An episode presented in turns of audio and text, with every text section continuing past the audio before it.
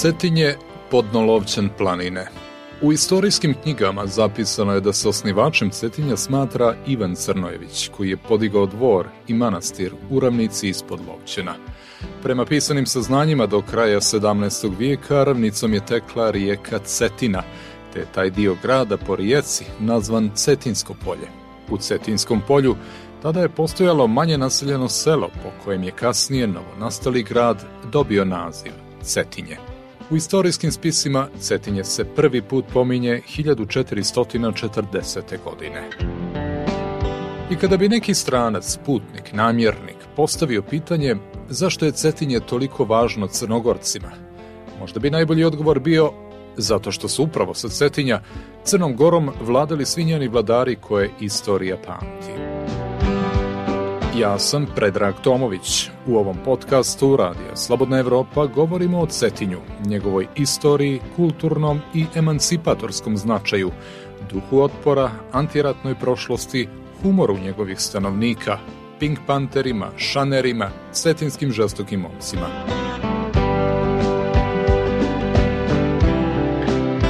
Cetinje, vjekovna prijestolnica Crne Gore, duhovni je i kulturno-umjetnički centar države. To je mjesto istorijskog i nacionalnog identiteta, pamćenja i trajanja Crne Gore. Prvi značajniji moment iz životopisa grada, koji se tiče njegovog osjetnijeg razvoja, dogodit će se za vrijeme vladavine Petra II. Petrovića Njegoša. Državnik, pjesnik i filozof 1838. godine nedaleko od manastira sagradio je rezidenciju, biljardu, a Cetinje se uvećava podizanjem novih kuća. Sve je to postepeno vodilo ka urbanizaciji tadašnjeg centra Crnogorske države.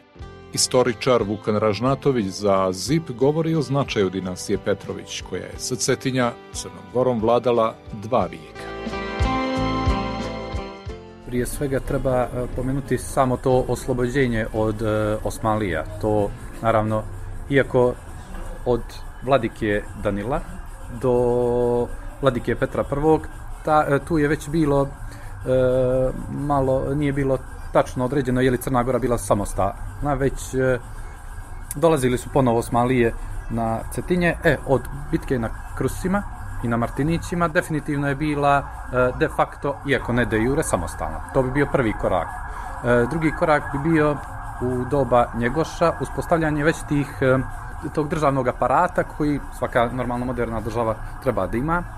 Treći, naravno, knjaz Danilo kojeg smo već pomenuli, koji jednostavno iz te nazovimo teokratije, stvorio svetovnu državu, tako ulazeći u društvo savremenih evropskih zemalja i naravno E, knjaz, odnosno kasnije kralj Nikola koji je pokušao tu emancipatorsku ulogu kroz svoju gotovo 60-godišnju vladavinu i koliko je to uspio, to je već Taj period je zanimljiv. Tada je Crna Gora, dakle početkom 20. vijeka dobila svoj ustav, da bi u godinama nakon toga, možda decenija, manje od decenije koliko je prošlo, kralj, prvi i jedini kralj Crne Gore morao da emigrira taj istorijski period je zanimljiv zbog upravo tih političkih, pravno-političkih momenata. Kako bi, ga, kako bi njega opisao?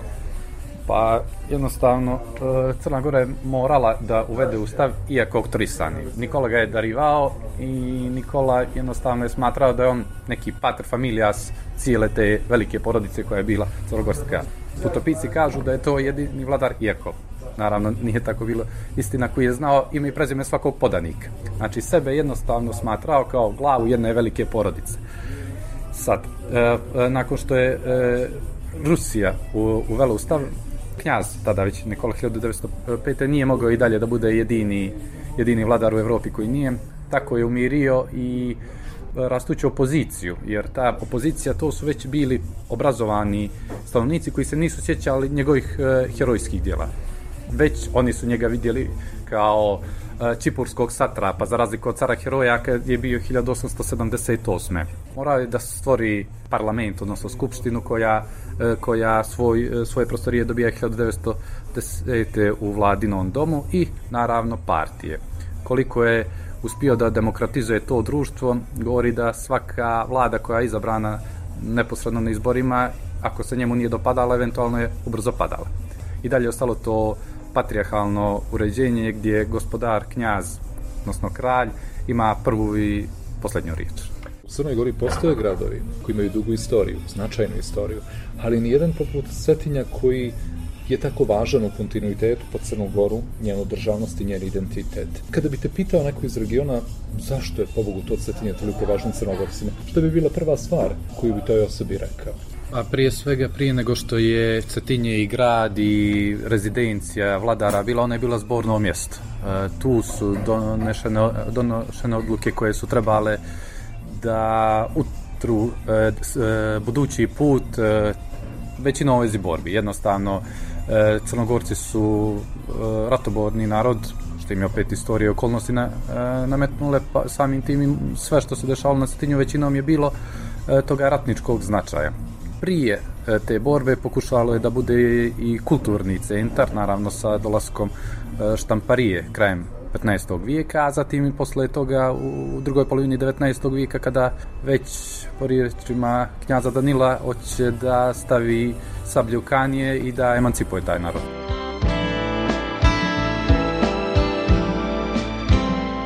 Doba velikog napretka Cetinja dogodilo se u vrijeme vladavine knjaza Nikole I. Petrovića. Riječ je o periodu za kojeg će biti podignuto niz javnih objekata.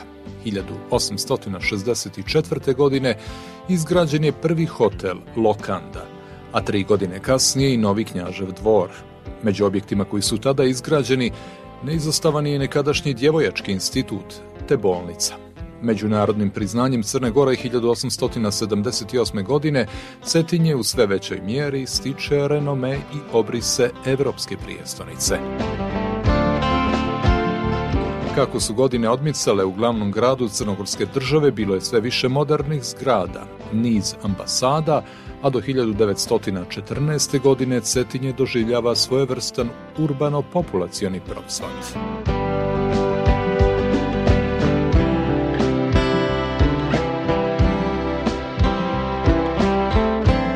Nakon drugog svjetskog rata Cetinje više nije glavni grad Crne Gore, već njegovu funkciju preuzima Podgorica. Od tada pa do 1989. Cetinje je više privredni, istorijski i kulturni centar. Međutim, izbijanjem ratnog vihora na području bivše Socijalističke federativne republike Jugoslavije 1991. godine nestaju privredna preduzeća poput Oboda, Bojane, Košute. Cetinje sve više siromaši i njegov nekadašnji ugled i značaj sve više nestaju. O Cetinju nekada i danas za ZIP govori novinar Mladen Zadrima. Kad smo se dogovarali da pričamo o ovome, ja sam ovaj nekako eto, po prvi put možda razmislio malo dublje o svemu tome i ovaj počeći iz ove perspektive, sad se govori o nekom uh, vraćanju starog sjaja, to je jedna fraza koja mene jako ovaj, ide na živce, jer uh, ne, nema vraćanja starog sjaja, možemo samo da mu napravimo novi sjaj.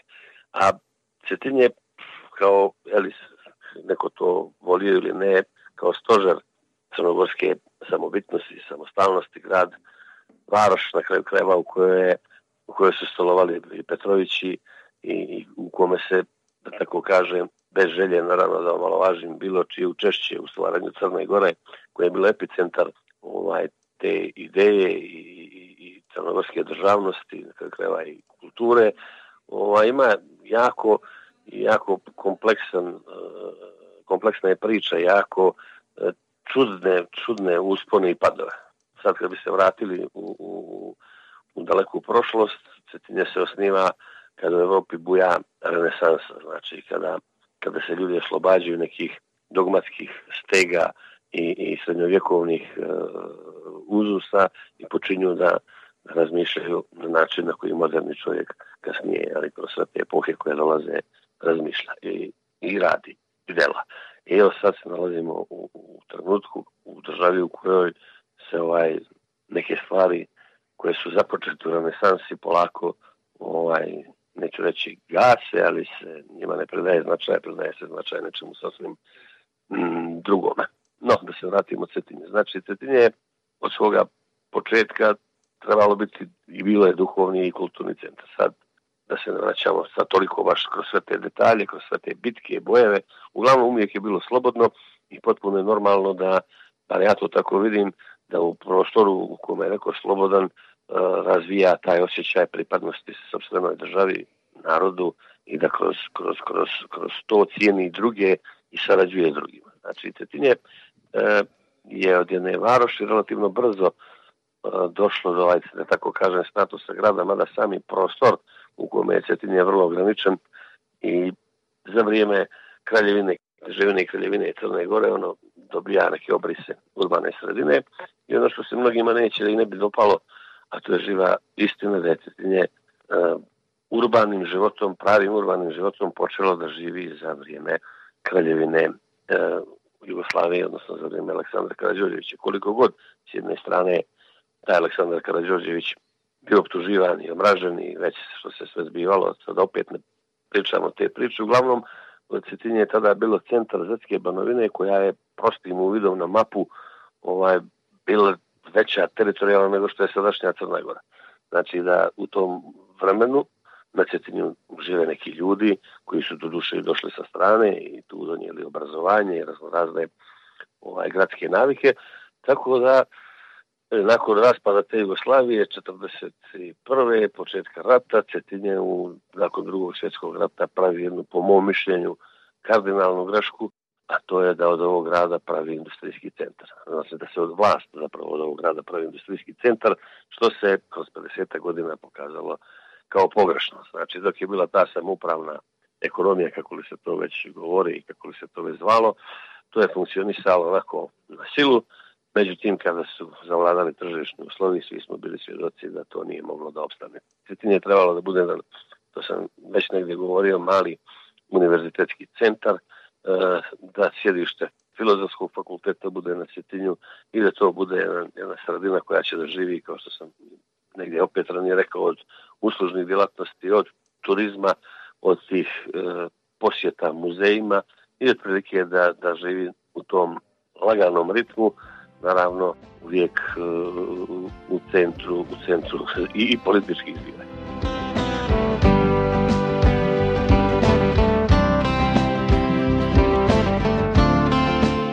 Zadrima ističe odnos bivše vlasti Demokratske partije socijalista prema Cetinju od ranih 90-ih, od vremena raspada bivše zajedničke države i ratnih dešavanja koja su slijedila. Na Cetinju je u jeku ratnih razaranja rođena antiratna ideja koju je promovisao Liberalni savez, a koju je tadašnja vlast progonila. Uvijek kad je vlasti prifalilo patriotizma, kad je ta baterija patriotizma bila ispod 50%, da ne kažem manje, oni su dolazili na Cetinje da to pripune. Ovaj, znači, Cetinje uvijek, uh, uh, to je, nažalost, ali je tako. Znači, ta vlast 90-ih je Cetinje i Cetinjane ovaj, hapsila u svom rodnom gradu, pretresala, im davala da se skupljaju na trgovima, da šire neke druge ideje, da bi se kasnije ta ista vlast nakon određenih e, preloma, lomova u samoj sebi, e, taj suverenistički dio preključio tome toj priči. Ne, ne kažem da je to samo bilo na Cetinju, vjerovatno je bilo u, u, u, i u drugim gradovima i tamo ima ljudi koji su zastupali i širili te ideje, ali ću ja kažem da odavde, valjda, ne valjda, nego zahvaljujući osnivanju i liberalnog saveza i svog tog uh, uh, pokreta otpora, ja to tako zovem, tada, tada to nije, nije to bilo toliko stranočki ovaj, i, i, organizovano koliko je to bio jedan o, bunt ljudi da jednostavno ne žele da učestvuju u razaranjima, u razaranjima da, ne čestuju, da ne žele da učestvuju u zločinima, znači jednostavno e, ta ideja je tu, nije ona rođena, ona je uvijek tu bila i širila se po crnoj glasi. I dobro je što se širila. I kažem vam, znači, do referendum do 98. ovaj do onih e, do NATO bombardovanja otprilike do onog loma zapravo radnije u DPS-u oni su ovdje dolazili samo kad su neki značajni datumi tada je bilo recimo 500 godina od, od štampanja Oktoiha to je bila jedna, jedna velika manifestacija koja je organizovana sa državnog nivoa i tako sličnim datumima su se kitili, dolazili, govorili o samobitnosti i vječnosti Crne Gore i odlazili za Podgoricu. Cetin je nastavljalo naravno za bistvo u svojoj, u svojoj katunskoj osami. To je jedna sintagma koju je smislio naš stariji kolega koja se meni jako sviđa, jer ovaj, lijepo je jako kad ljudi dođu na Cetinje i budu tu, ali je jako ružno kad odu s njega, kada jedan put ulice opuste i kad jednostavno ovaj svat energija ode neđe drugo. Dakle, e, što se tiče referenduma, pa znate i sami, kad su bili presjednički izbori, da se vrati nešto malo unazad, koliko je glasova taj kandidat Đukanović dobio na Cetinju kao vođa tog nekakvog prosuverenističkog, da kažem, bloka. Pa onda se vratite na otiđite korak naprijed na referendum, pa ćete vidjeti koliko je Cetinja naglasalo za samostalnu suverenu Crnu. Dakle, u odnosu na druge gradove. Znači, ovdje su te stvari jasne do, do maksimuma i svi znaju da vlast trguje s tim i svi to prihvataju i to tako ide iz, iz godine u godinu dok će, ovaj, ne znam, mislim da u, u novo nastaloj situaciji Cetinje opet, opet u fokusu interesovanja doduše sad već bivše vlasti, ali ovo je, kako ja vidim, eto, ne znam, neko iskustvo nauči, ovaj, ovo je e, sredina u kojoj oni jedino mogu da budu sigurni da će ovaj, da, da, da, da imaju nekakvu, da ne kažemo stupnicu, ali da imaju neku bazu iz koje bi možda kasnije mogli da idu dalje u neko novo osvajanje vlasti.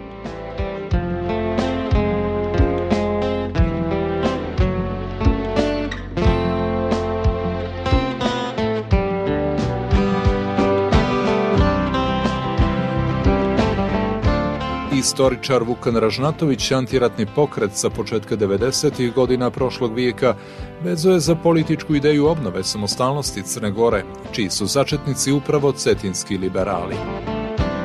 Pa jednostavno ta ideja što je krenula sa Cetinja, e, Slavko naravno Perović sa e, svojim liberalnim savezom je e, želio ideju prozapadne Crne Gore, Crne Gore u Evropskoj uniji, samostalne Crne Gore, E, tadašnja vlast, koja je do skoro i bila na vlasti, nije imala sluha do, e, do toga preukreta 96. i 7. godine. Taj osjećaj o nekoj posebnosti crnogoraca je na Cetinje ostala e, dominantna, iako se negdje drugo jednostavno izgubilo. I dolazimo do referenduma 2006. godine, odluka većinska, bio je to prilično visok cenzus čak i za najsnaž, najsnažnije demokratije, e, dakle Crna Gora je povratila samostalnost. Koliko je taj moment važan bio i kada se gledavaš tu prošlost kroz ono što si pročitao i, i, i o čemu si istraživao, negdje govori o iskrenosti vlasti i njenoj zaista iskrenoj želji da Crna Gora ponovo postane samostalna država ili je to, kako tvrde neki oponenti, te bivše vlasti bio zapravo samo politički projekat TPS. Iskrenost vlasti u bilo kojoj državi ne može se sa potpunom sigurnošću tvrditi što god oni misle. Svaka vlast je tu da bi ostala na vlast. Jednostavno, narod, evo konkretno pričamo o Cetinju, je istinski vjerovao u nju. Što je vlast vjerovala, ne mogu da zaključim, jednostavno jest da se može neposredno pričati o nekim događajima kroz istoriju, međutim još nema, još e, arhivi pod jedan nisu dovoljno otvoreni da bi čovjek mogao da vidi šta se, kakve su odluke donošene na sastancima i slično. Međutim, kod naroda mislim da kod velike većine jednostavno to je bila stvarno si prije 2006. jednostavno samostalna država koja samo treba taj međunarodni pečat.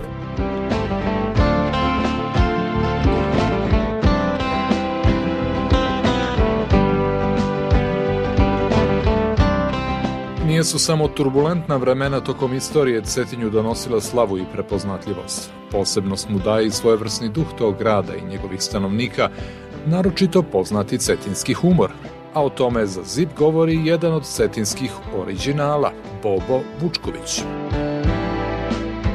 Bobo, kako to da su Cetinjani između ostalog prepoznati po tom specifičnom duhu i humoru? Odakle je to došlo? Ne znam, ja to mislim da je autentično tu, samo podneblje, pa muke i nevolje i naroda koji je tu kroz vjekove živio, borio se za tu, jeli, malo slobode koje je mogao da osvoji zbog raznih okolnosti u prošlosti, pa onda opsjednut sa svake strane u tom et podlovčenskom masivu, u toj nemoći, jadu, borbi, neprestalno, što bi rekli, pa vjerojatno je tražio duha za lijeka za dušu kroz taj humor. Jeli, kroz smije, humor, pjesmu i tako.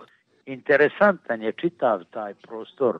To je ovaj lovčenski dolaz takozvani Cetinje sa svake strane zatvoreno i nad Viseno, Lovćenom i, i okolnim planinama, samo nebo, više sebe, sa svake strane je bilo pod opsadom, tražilo je nekako snagu, duhovnu snagu da bi se suprostavilo svako, ali nema ni koja je krenula na njega.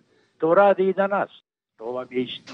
Bez obzira što generacije Cetinjana manje više, pa ja ne mislim da ostane 10% svake generacije u gradu, ali je taj duh zadržan. I pa nekakva, a nije posebnost, ali ima karakteristike neke, ima nešto drugačije kod tih ljudi tamo. U svakom smislu bilo je i u najgore vrijeme. To je bilo i od 853. od čuvenog e, od pokreta koji je poveo veliki knjaz Danilo, pa kroz oslobodilačke ratove, pa znate, između dva rata, nakon prvog rata 41. pa evo i 90. Uvijek kroz nekakvu pjesmu, pa eto, ako si sjećate, onog momenta iz 90-ih, kad je eto, bila sva Jugoslavija zapaljena u nacionalizmima i šovinizmima, pogotovo jednom imperializmu koji je čito udara po Crnoj Gori. Tu je bilo snage, nije smo mogli ništa, ali smo mogli da zapjevamo i suprostavimo se protiv juriša na mirne i dobre komšije Duprovčane.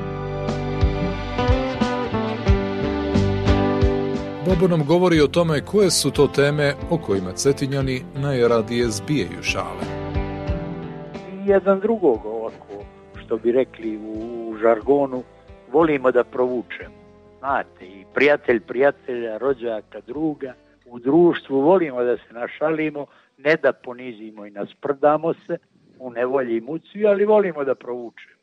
A na račun, pogotovo na račun politike, na račun aktuelnih nekih stvari koje se dešavaju, a hvala Bogu toga i premnogo danas, a to je puno tih razumijete. Možete li nam za slušalce Zipa onako neki aktuelni hit, a što bi rekli Cetinjani, ovaj, ispričati? O čemu se danas priča? Juče sam, evo, juče sam ovaj, ima jedan dio političara tu koji se ne skidaju iz medija, sa Twittera, sa televizije i tako dalje po cijeli dan, pa onda vidio, čuo sam jednog prijatelja, kaže sad, juče prekjuče, veli, dosadilo mi je, vrate, i frižider otvorit, boji se da on ne izađe iz njega. Eto, to, je, to vam ja. A što to je ovako? Sad, ima ih puno ja, ovaj. Koji je vaš omiljeni? Ne mora biti aktualan, može neki koji vam je onako ostao u, u, u pamćenju kao, kao dobar, kao jak vic, što bi rekao. A dobro, mene kao džetetu, znate, karakteristično bilo je za Cetinje da se, to je zapisali su te aforizme i te priče e, Puro Đurić, zatim Đorđe Radonjić, zatim još ima tu ovaj e, Pavle Đonović, pa tu je interesantan bio jedan naš divni sugrađanin Vido Parteli koji je dubokim korijenom italijan, pa e, sudija Mošo Martinović, pa bilo je puno tih ljudi koji su ostavili pečat. Simo Cuca, razumijete. Evo, recimo za Sima Cucu je bio jedan fazon koji je jedan vic ovako koji je e sad, kojega pamtimo, to je neđe bilo 80. godina i to je istina. On je kupio na pazarni dan petak nekog krapa i išao je preko, preko Balšića pazara e, prema kući, blizu je tu živio na trgu kod Vile, kod Lovčanske i nosio je tog ogromnog krapa. E onda ljudi, stvarno velik krap za to vrijeme, trebalo odvojiti para za to. I Mangupi Cetinski, ođe de Simo, kupio si krapa, jesam on čadija, veli koliko mu je u glavu džede, više no u tu vašu momci. E, tako vam je to jedan od tih. tako vam je. Razumiju li se mlađe generacije Cetinjana i starije kad su vicevi šale u pitanju a, ili su ove nove generacije malo drugačijeg stila, ako to mogu da kažem? A boga mi, znate, nije sam, nije sam to siguran. Ima i kod mlađih generacija, to se nekako prenosi, pa ostaje, a ima, ovaj, ima i oni šmeka. Ja sam prijatno iznenađen. Stvarno, nisam, ne želim da budem subjektivan i to kad su mladi cetinjani u pitanju, ali ja se često puta oduševim i njihovim duhom. Mislim, to će da traje i to me raduje. Ko ima bolje viceve, mlađi ili stariji cetinjani? Isto je pitanje i za na Zadrimu. Pa ja se radujem za to što vidim ovaj da i ovi mlađi imaju, imaju duha i da umiju dobro da se razviju. Ovaj, sad, evo jutros najnovija, najnoviji što sam je potpuno, potpuno utemeljen u, u, u realnosti je evo, živimo na ivici Mediterana, a nalažemo kada smo na durmitor. Znači, ovaj, uvijek neki komentar na dnevnoj bazi o bilo čemu. Sad, teško je sad to popamtiti, to, to ide bukvalno onako, što bi rekli, dim u dim i nema obični susret. Na, na ulici uvijek ima neki, neki što da se izvali, tako da to, to je zaista jedan fenomen koji, što je rekao onaj uh, Pele, uh, cetinski humor je NBA liga za sve ostale humore i potpuno je pravo. Uvijek tu ima uvijek tu ima ovaj nešto da se prokomentariše, koliko god neka tema bila ozbiljna ili mračna ili, ili, ili ovaj, uvijek, uvijek ima ponešto, kafane su naravno epicentre tih zbivanja, tako da ako ništa drugo imamo duha dovoljno pa ovaj, se tako time hranimo i dodajemo jednim drugima i to nas drži sad do kad ćemo. Do ne znam kojeg vremena, ali nije davno bilo, a, ispred Cetinja je bio jedan grafit, čini mi se, odnosno kod ulaza u Cetinje je bio jedan grafit na kojem je pisalo Cetinje ne radi. A gdje su danas Pink Pantheri, Šaneri, cetinski žestoki momci. I oni su, da ironično kažem, pronosili slavu Cetinja po svijetu yes. i regionu. Ti tada mladi lavovi su sad tu, otvali 50-godišnjaci koji neko je uspio u biznisu, privatnom, neko je i dalje ovaj, stao onako bojem do, do, do, do kraja. Tuda su, tu su, nekih i nema, nažalost, ali otprilike, ovaj, kad ste već to pomenuli, to je svevrstan fenomen. Nastao iz, iz, iz opet iz, iz problema ekonomskog propadanja grada. Ljudi jednostavno nisu ovaj, imali što da rade i onda su eto tako išli u inostranstvo, tamo obavljali te, te radnje kriminalne, sitne, do duše, da Evropa nije imala pojma da neko je može pa na pamet da dođe da pljačka, da ponese farmerice ili kožne jakne ili nešto i oni su taj vakum dobro iskoristili. Naravno, taj novac su donosili ovdje, nemilice ga trošili, neko je, kažem, investirao u biznis. Uglavnom, tu su, tu su tih generacija novih, toga više nema, nažalost, neke druge stvari se dešavaju, mnogo grublje, mnogo ozbiljnije, mnogo opasnije, ne bih sad o tome pričao, ni kao ostali dio Crne Gore, ni nas to nije mimo išlo, tako da problemi se samo gomilaju, ali eto, kažem vam, taj duh koji postoji, on otprilike dođe kao neka terapija protiv tih svakodnevnih, svakodnevnih e, problema i, i tih stvari koje muče ovaj grad odavnina.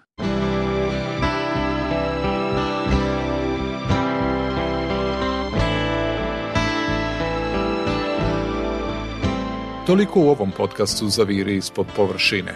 Ja sam Predrag Tomović, a u prethodnih pola sata ispričali smo priču o Cetinju, kulturno-istorijskoj prijestonici Crne Gore, u kojoj su stolovali Petrovići, među kojima i jedan kralj, gradu poznatom po duhovitim ljudima, u kojem osim kafana i muzeja danas gotovo da ništa drugo i ne radi. Ostanite i dalje sa nama. Sve prethodne epizode Zipa pronađite na našem sajtu ili na Spotify, iTunesu i Google podcastima – Naše druge sadržaje također možete pronaći na slobodnaevropa.org, na društvenim mrežama Facebook, Twitter, Instagram i YouTube. Sa vama smo premjerno svakog ponedjeljka. Do slušanja.